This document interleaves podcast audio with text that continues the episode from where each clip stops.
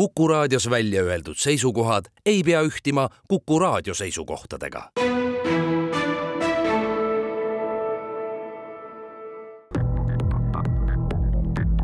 krimiraadio, Krimiraadio. tere taas, on reede ning see tähendab, et eetris on uus Krimiraadio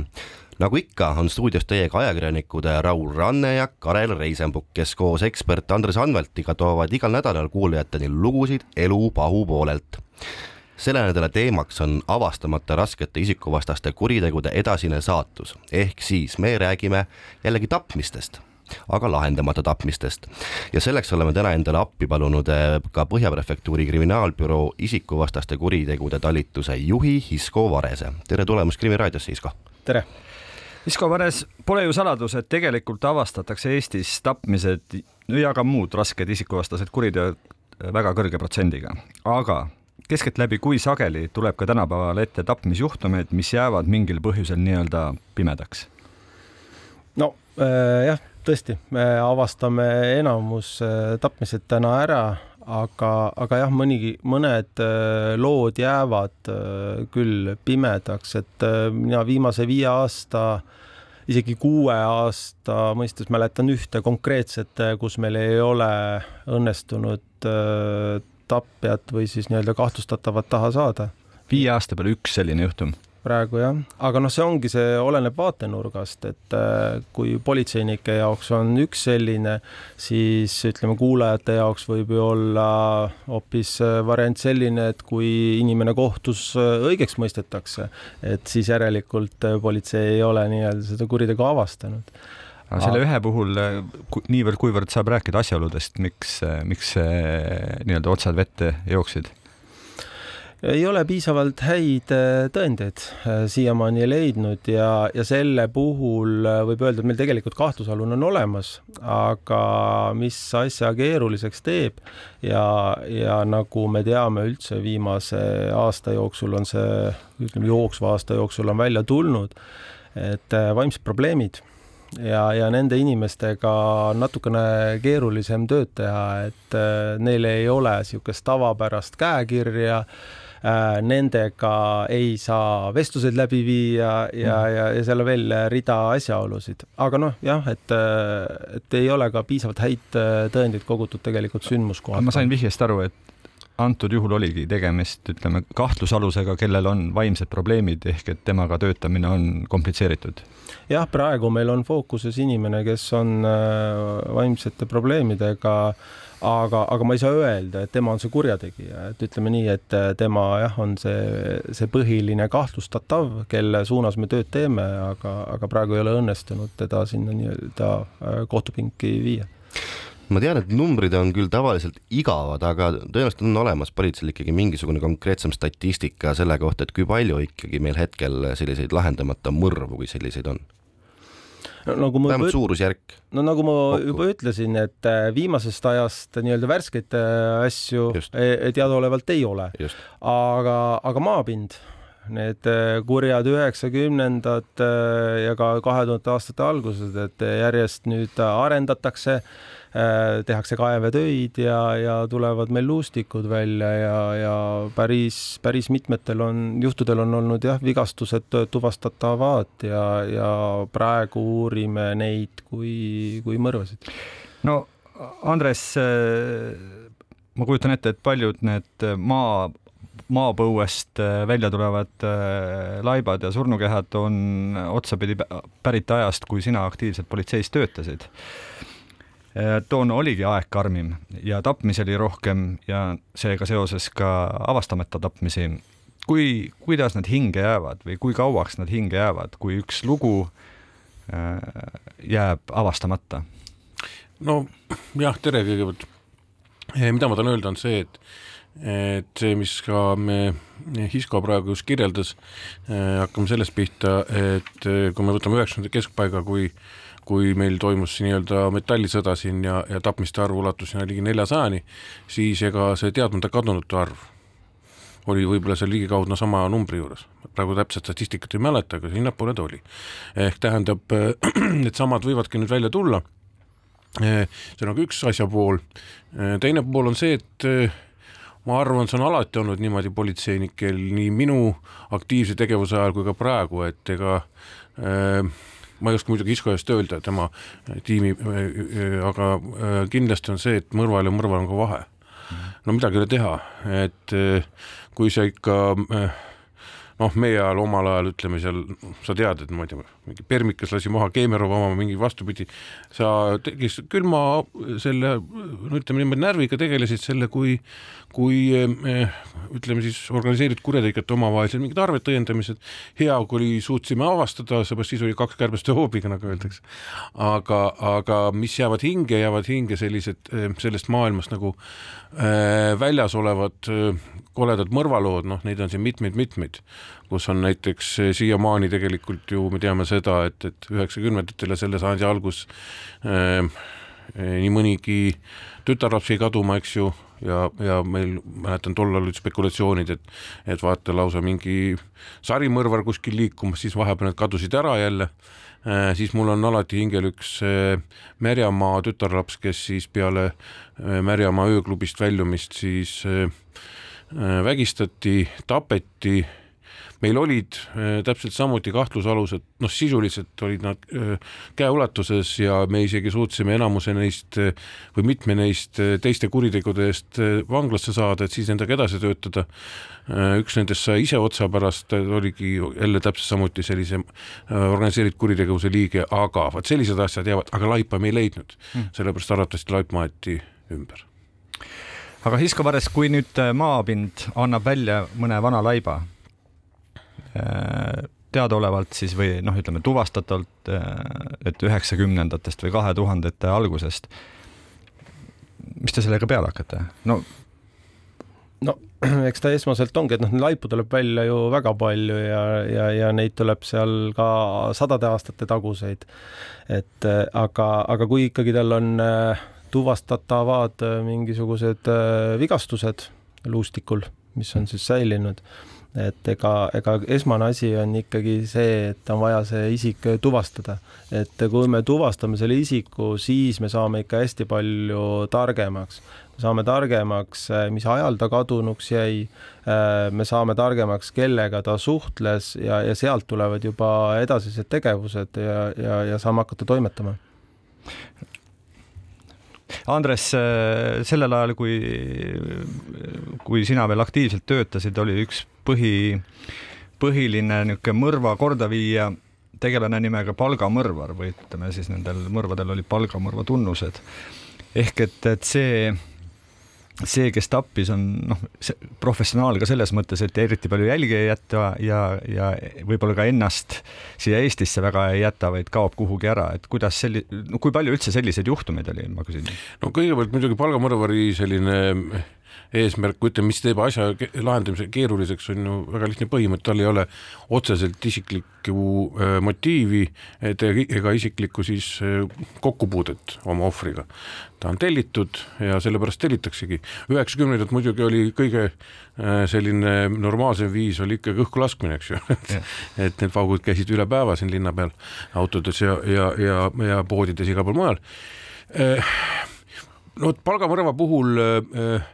väga tihti sai oletada, et see on, kuidas ütleme, teostamisviisi järgi, noh, mäletan üheksakümnenda kuskil kolm või neli, kui tapeti üks organiseeritud kurjategija, ütleme niimoodi, kes siis istus oma, tähendab väga kavalalt kõrval maja katusel oli snaiper, lauatelefon oli köögis helistati kell kolm või neli öösel, helistati lauatelefoni peale, mees tuli siis oma magamistoast äh, äh, siis kööki, pani tule põlema ja sai laksu otsa, et vastas maja katuselt, nii et, et no see on palgamõrva tunnused, aga mida ma tahan öelda kindlasti palgamõrvade kohta, et me õppisime neid tegelikult hästi avastama üheksakümnendate lõpus äh, kus juba tegelikult mitte ainult mõrvar, aga ka kogu rida, noh, siinsamas meie kõrval asuv Keskturu lugu, seal jõuti tegelikult Taaskonjooni ja, ja ma arvan, esimene niisugune korralik palgamõrv, mis on otseselt maffiaga seotud, organiseeritud kuritegevusega seotud, oli siis Itaalia äh, restorani omaniku tapmine vanalinnas, mida siis koos Põhja prefektuuriga, tollel ajal Tallinna prefektuuriga siis meie Keskkrimm ka koos avastasime kuulajatele nii palju veel, et kes soovib täna Krimiraadioga kaasa lüüa ja võib-olla ka mõne küsimuse meie külalistelt küsida, siis seda saab teha Whatsappis ja see number on viis kolm nelikümmend viis viis viis null, aga meie teeme väikese pausi seni. Krimiraadio, Krimiraadio. krimiraadio jätkub eetris on ajakirjanikud Raul Ranne ja Karel Reisimbuk. meil on nagu ikka sel aastal eksperdina abiks endine politseijuht Andres Anvelt. täna räägime tapmisjuhtumitest, mis erinevatel asjaoludel on jäänud seni avastamata ja meil on, aitab teemat lahata Põhja prefektuuri kriminaalbüroo isikuvastaste kuritegude talituse juht Hisko Vares. No rääkisime siin äh, natukene ikkagi üheksakümnendatest äh, kui meenutada, siis on ju tänaseni ikkagi teadmata ka omal ajal allilmaga tihedas suhtes olnud äh, Kalev Kure mõrv mitte üheksakümnendat, kaks tuhat viis oli see loomulikult, kuigi vahetult pärast teda tapmist ikkagi liikus mõni versioon, aga see on vist ka siiamaani lahendamata. Andres, kas sul mingisugune tunnetus on? Oli no, siis? ja no ütleme niimoodi tegelikult äh, tol ajal, kui Kalev Kurk tapeti, siis ma olin küll politseis ja töötasin tema tapmiskohast äh, mõnesaja meetri kaugusel ehk Sisekaitseakadeemias. aga selge on see, et, et alles sinna jõudnuna endise Keskrümka äh, direktorina, endise eh, ikkagi me ka arutasime ka endiste kolleegidega, no oli selge see, et see on üks osa sellisest allilma võimuvõitlusest, asi oli tehtud väga professionaalselt aga noh, seesama professionaalsus tihtipeale on just see, mida ka Raul siin ennist ütles, et, et äh, kaotakse ka Eestist ära ja ja, ja palgamõrvar tuleb ja tihtipeale läheb, nii et, et, et kindlasti on huvitav jälgida seda, mis toimus pärast, eks ju kuidas keegi ilma, allilmas just eestikeelses keskkonnas üles kõrgemale tõusis positsioonile ja ka noh, nagu me eelmises saates rääkisime Aivar Alaverega, eks ju, need enamus on ju ise kõik nüüd vangitornides. Aisko Vares, kui nüüd mingisugusel põhjusel, jumal teab, mis kanaleid pidi jõuab teieni mingisugune niidiots, kus võib-olla, kui mööda seda minna ja põhjalikumalt vaadata, võib selguda, et see see ilmselgelt niisugune rituaalse alatooniga oma palgamõrv toona toimus selle või selle grupeeringu või selle või selle inimese tellimusel. kas te alustate mingisugust menetlust, et seda versiooni kontrollida või ta ikkagi noh, ütleme, aega on vähe, ressurssi on vähe, et ta jääb esialgu ootele või kuidas sellega on? Ei no ütleme nii, et aja ja ressursi taha ikkagi miski ei jää, et äh, pigem äh, olenevalt nüüd, äh, millal see palgamõrv toimus, et pigem, pigem on see probleemiks, ehk siis kui meil tuli nüüd karistusseadustik, et jah, et kaks tuhat kolm aastat aasta ta vist kehtima hakkas ja, ja, ja nüüd me seisamegi probleemi ees kõik tapmised, mis äh, toimusid enne seda, tapmised ja mõrvad, et äh, paraku me neid äh, uurida ei saa. et nii see lihtsalt on. aga antud juhul meil on siis juhtum, kus mõrv toimus pärast selle seaduse kaks tuhat viis, kaks tuhat viis, eks ole. nii et, et siin on nüüd ütleme, seadus väga ette ei tule, et saab siin uurida seadus... küll, et aga mismoodi ta tehniliselt teie majas siis edasi läheb? tuleb mingi selline kahtlane versioon, aga siiski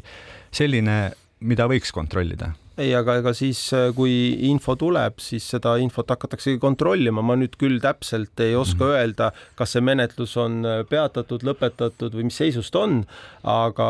aga ka põhimõtteliselt seesamane kriminaalasi, mis on siis äh, ilmselt Keskkriminaalpolitsei poolt omal ajal algatatud, et sellega saab edasi tööd teha ja, ja neid kõiki versioone kontrollida. et seal ei ole üldse mingit probleemi selgitame kuulajale üle, äh, kuidas selle mõrva ja tapmise aegumisega juriidilises mõttes on? no juriidiliselt ongi nii, et kaks tuhat kolm hakkas kehtima meil uus seadus, karistusseadustik ja, ja kõik, mis tapmised, mis olid toime pandud enne seda, paraku ei kvalifitseeru või neid, neid ei saa enam menetleda. et äh, nii, nii see kahjuks on ja, ja me oleme tegelikult äh, Äh, proovinud ka siin ühe menetlusega, et kuulajad võib-olla teavad, äh, mõni aasta tagasi üks meesterahvas üritas siin äh, prokuratuurile ja kohtule kätte maksta ja pommi panna nende majja. saime selle inimese teada, mõist-, kohus mõistis ta ka süüdi, me üritasime selle menetluse raames, meil tuli tõendid ka selle kohta, et tegelikult kunagi Lubja tänavale, kui pandi pommid, et tema oli nende pommide panemise taga, seal sai palju mitmeid politseinikke vigastada ka aga jah, kohus äh, täpselt äh, nendesamadele, viitas sellesamasele seadusele, et seadus on muutunud, kahjuks ei saa neid asju enam kohtumenetlusse võtta ja, ja, ja need jäid sinnapaika. et nende, selle, selle konkreetse plahvatuse eest äh, ta karistada ei saanud? ei saanud, aga sai karistada siis nende uute kuritegude eest, mille, mille me ka ära tõestasime ma saan aru, et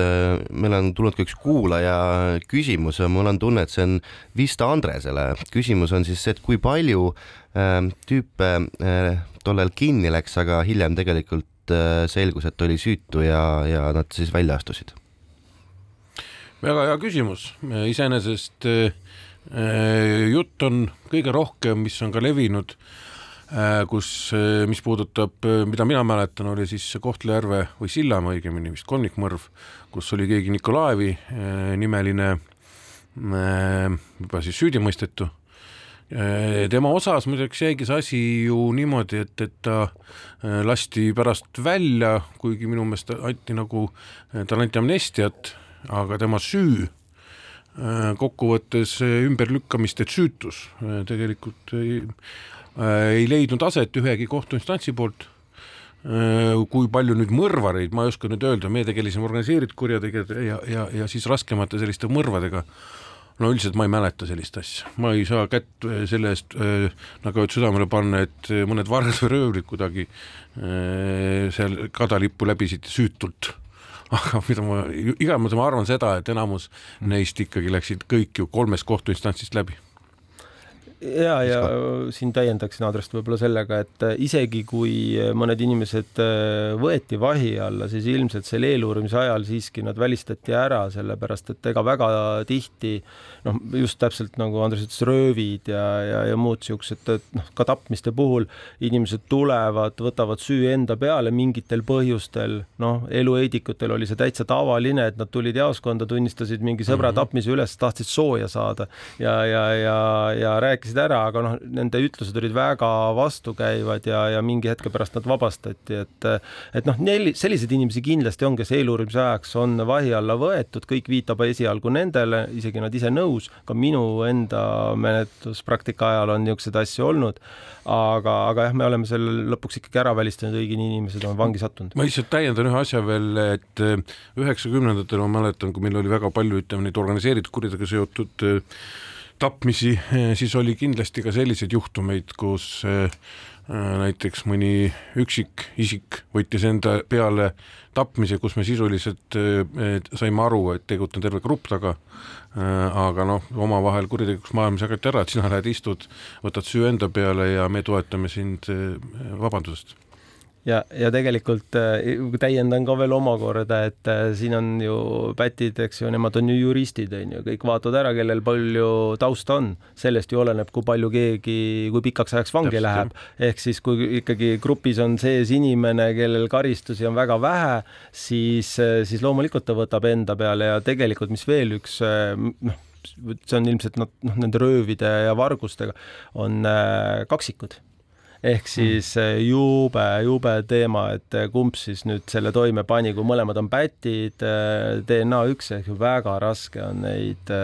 tuvastada. on sul et... mõni juhtum kohe ka noh, nii-öelda kirjeldada?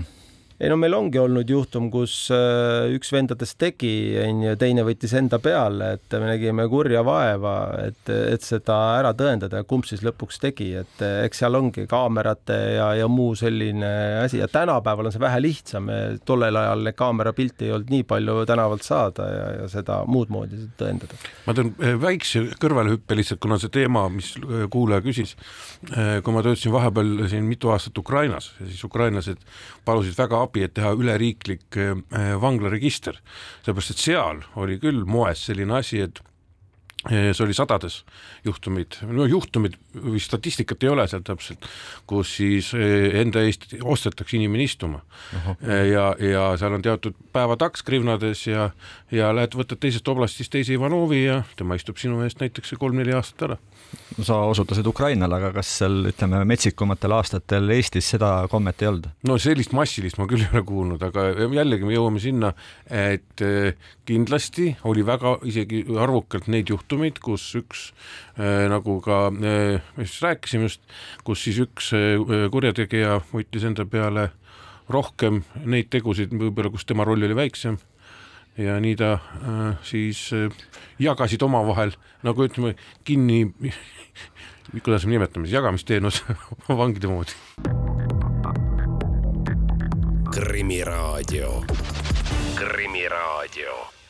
krimiraadio jätkub, stuudios on ajakirjanikud äh, Raul Ranne ning Karel Reisenbuk, loomulikult ka Andres Anvelt eksperdina sellel hooajal meil kaasas. räägime täna rasketest isikuvastastest kuritegudest, mis on lahendamata ja selleks puhuks on meil ka külas Põhja Prefektuuri kriminaalbüroo isikuvastaste kuritegude talituse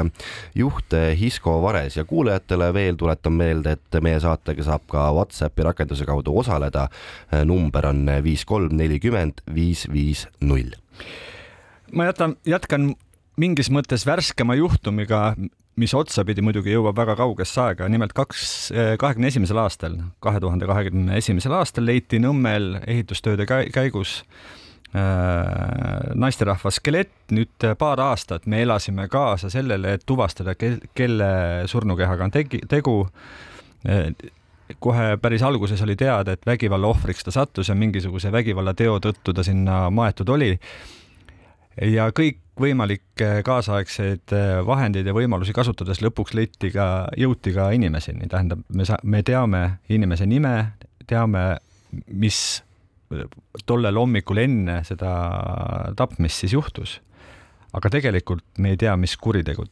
toimus. Isko Vares, kas see kas see juhtum või see, et me ei tea, mis edasi sai või tähendab, mis toona, üheksakümne esimesel aastal, sellest on nüüd kakskümmend kaks või vabandust, kolmkümmend kaks aastat möödas, et mis siis ikkagi juhtus, kas teid huvitab see? no loomulikult huvitab, iga politseinikku huvitab, et see, mis juhtus selle naisterahvaga, et hommikul lahkus ta oma kodust ja, ja, ja, ja kuhu ta siis läks ja, ja mis temast edasi sai. aga, aga paraku jah, et äh, nii kaua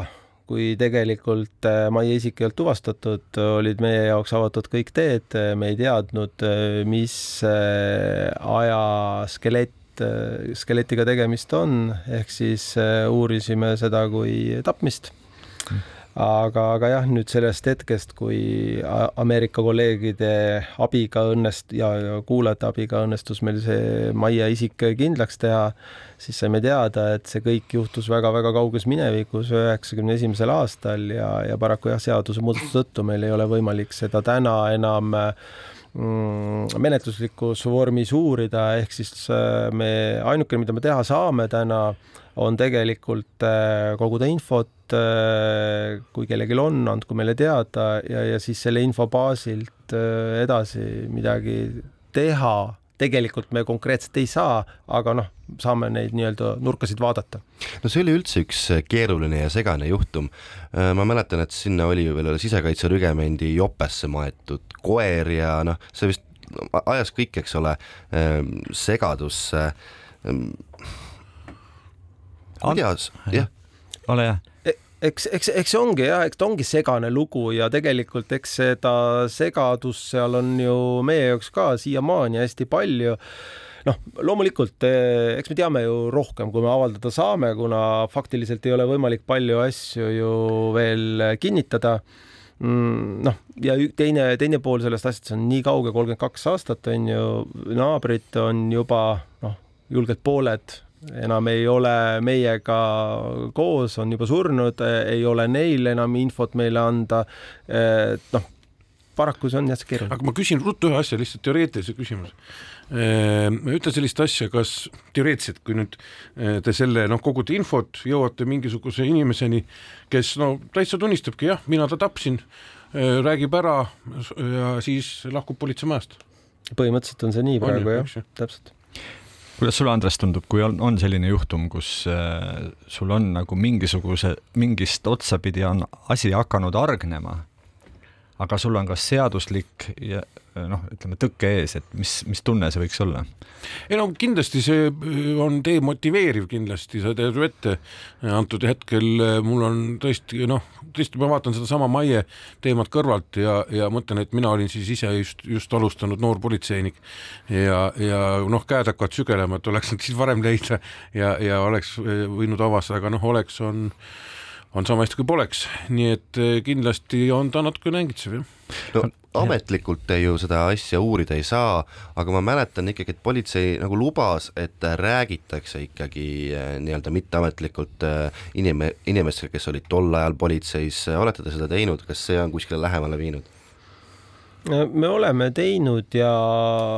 noh, ütlen nii, nagu ma juba korra mainisin ka, et eks, eks me oleme üht-teist äh, teada saanud, aga, aga kuna me ei saa neid fakte kinnitada millegagi, meil tõsikindlaid fakte ei ole, siis me ei saa seda kahjuks avalikkusega väga palju jagada, aga, aga kahjuks jah, praegu väga kaugele me nende asjadega jõudnud ei ole. ega keegi ei välista, et äh, see seltskond inimesi, kui neid oli, kui neid oli mitu, et neid ei olegi enam olemas, on ju, et äh, noh, lihtsalt paraku see on nii kaua aega tagasi juhtunud kuritegu aga hästi, proovime rääkida nendest juhtumitest, mis äh, on toimunud siis peale kahe tuhande kolmandat aastat, noh näiteks äh, äh, väga kurb lugu, kui juhusliku või eksimuse tõttu sai Tallinna kesklinnas sur surma siis koolitüdruk, aga selle loo taustal oli ju hoopis organiseeritud tapmine ja tapmine oli suunatud, eks ole, toona Eesti kinnisvaraettevõtte või riigi kinnisvaraettevõtte juhi pihta. meil on küll äh, kinni võetud ja, ja kohtule antud ja karistust kandmas laskja, aga teadmata on äh, tellija. vot kas sedasorti juhtumite puhul, kuidas neid menetleda nii, et, et nad ei kaoks nagu kuhugi riiulisse, et, et, et kas sul, Andres, on mingisuguseid kogemusi või, või, või mingisuguseid ähm, mõtteid selle koha pealt, et, et, et ütleme, sellised juhtumid, mis nagu nii-öelda aktiivsest uurimisest on küll väljas, aga et nad ei jääks ka päris nii-öelda riiulile. et mida nendega teha või kuidas nendega edasi talitada? ei no äh, igal teemal on erinevad tahud, Veronika Tari puhul on see, et, et äh, nimetame asju õigete nimedega, pigem on seal see, et need äh, Need eh, järgmine aste siis sellest eh, tulistajast eh, tegelikult ka selgitati välja, aga seal oli küsimus tõenditest. jällegi? jah, et ei olnud tõendeid nii palju, et saata ka need inimesed kohtu alla, ma tean, et keegi oli tol ajal ka vahi all, aga tõendite puudumise tõttu, mis puudutab lihtsalt pimedat tapmist, ütleme, kus ei ole kedagi vahi alla võetud, siis noh, minu üheksakümnendate mälu järgi ega siis oligi väga raske selgeks teha, et isegi kui uurimine peatati, ega see ei tähtnud, ei tähendanud seda tegelikult, et näiteks jälitustegevus kuidagi seisma oleks jäänud, see oli lihtsalt kriminaalmenetluslik äh, termin, aga äh, jälitustegevus ja info kogumine äh, jätkus, kindlasti olid igale sellisele case'ile või kaasusele ka määratud vastutavad, eks ju, ametnikud, kes muu tegemiste kõrval peavad siis koguma informatsiooni ka selle nii-öelda pimeda tapmise suhtes, osas. Hisko, nende vanade lahendamata lugudega, see ei ole ju saladus, et ikkagi praegu on politseis olemas niinimetatud selline äh, külmutatud äh, mõrvade väike osakond või noh, ma saan aru, et see detailselt sellest ei saa rääkida, et kes seal äh, toimetavad ja, ja kui palju seal inimesi toimetavad, aga natukene, et milline, mis moodustis see on? Päris osakond ei ole, mõned inimesed on, kes äh, neid samu vanu asju vaatavad, äh, pusivad, need on hästi aeganõudvad, need inimesed kindlasti ei saa osaleda nii-öelda tavapärases äh, operatiivses tegevuses, et muidu, muidu tekiksid sinna lüngad sisse, nemad ongi rahulikult ajavad oma asja, et ma, ma toon näite lihtsalt, ma ei saa öelda küll seda case'i, aga see on ka kolme jah, kahekümne aasta tagune lugu ja seda oleme me nüüd äh, kolm aastat äh, teinud. Äh, seal on kaheksakümmend inimest kusagil läbi vesteldud. oleme seal isegi kasutanud mm. valedetektorit, mida üldiselt Eesti kohtus mm. ei kasutata, onju, et aga täna lihtsalt ei ole muud viisi, kuna meil seal kriminaalmenetlust ka otseselt ei ole, et muud viisi vabatahtlikkuse alusel inimesed meiega suhtlevad ja, ja, ja niimoodi üritame üritame siis saada mingisugust selgust. et see on keeruline, aga, aga no me toimetame ja ega, ega siis noh, iga, kui tuleb info, siis me peame seda infot kuidagipidi kontrollima, on ju, et selleks me oleme ju ellu kutsutud. ma pean siis kohe üle küsima, ehkki detailidest antud juhul ei, ei saa rääkida, aga mingi põhjus pidi olema, et te kahekümne aasta taguse asja nüüd uuesti üles võtsite ja sellesse osakonda nii-öelda menetlusse andsite et ja, mis, mis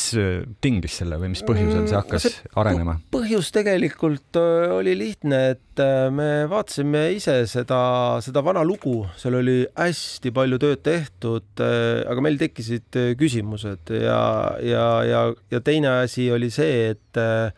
et tehnika võimalused on natukene paremad täna, on ju, et kasvõi needsamased mm, kõnede eristused, on ju, mis tollel ajal olid võetud, noh, täna muidugi me enam nii lihtsalt neid ei saa, kui kui nüüd või tollel ajal on ju, tollel ajal lihtsalt teised nüansid, aga lihtsalt äh, me neid eristusi ka vaatame nüüd tänapäevaste analüütilise võimega ja, ja, ja vaatame, kas meil sealt tuleb midagi või ei tule, aga jah, ühesõnaga põhimõtteliselt võtsime selle sellepärast, et äh, endale seda pilti paremini selgeks teha Andres, kas sulle ei tundu ahvatlev töötada mõnes sellises üksuses, kus äh, noh, ütleme ilma erilise aja, ajalise surveta ja mingisuguse sellise pingeta saad äh, uuesti lahti võtta mingi vana lugu ja uut, uue aja võimaluste ja, ja tingimustes äh, noh, nagu läbi töötada kogu see juhtum ja võimalik, et sealt leida siis mingisugune lahendus. oleks ma paljutsi pensionär ja mul oleks palju äh, aega pensioniraha lugemise kõrvalt, siis kindlasti ahvatleks, aga antud juhul ma pean leiba teenima. Aga, no, aga iseenesest, mis ma lihtsalt tahan öelda, et selline lähenemine on ikka äh, väga laialt levinud, et äh, üheksakümne neljandal aastal, kui ma noore Äh, mõrva uurijana või siis äh, kriminaalpolitseinikuna osalesin St Louis'is, Missouri osariigis ülemaailmsel mõrvauurijate konverentsil. ja, ja äh, mind vaadati kui hullumeelset kahekümne viie aastane mõrvaosakonna juht riigis, kus on nelisada tapmist aastas kahekümne viie aastane peaaegu lutipudel taskus, siis need vanemad härrasmehed ja daamid mind siis talutasid igal pool ja siis nad näitasid mulle, kuidas nendel näiteks oli jah, konkreetselt eh, igas võib-olla osariigis või mingis šerifkonnas erinevalt, aga on olemas sellised veteranide klubid, kes tulevad, kellel on keldris kuskil politseijaoskonnas eraldatud ruum, ühes niisuguses käisin, tulevad kokku, postutavad oma piipu, eh, kabud on peas ja, ja, ja lahendavad selliseid kuritegusid. me just eh, siin ennem ka arutasime, et, et et Iskoga, et mis, mis, mis, mis see võiks olla näiteks see juriidiline alus, siis nii palju, kui mul tuli praegu meelde tegelikult, et et selleks nad saaksid toimetada, noh, Ameerikas on asi lihtsam, näiteks noh, kui on šerif, šerifkond, siis šerif ütlebki, et sina, sina, sina saate abišerifiks mingiks ajaks, ongi kõik. Mm.. krimiraadio, Krimiraadio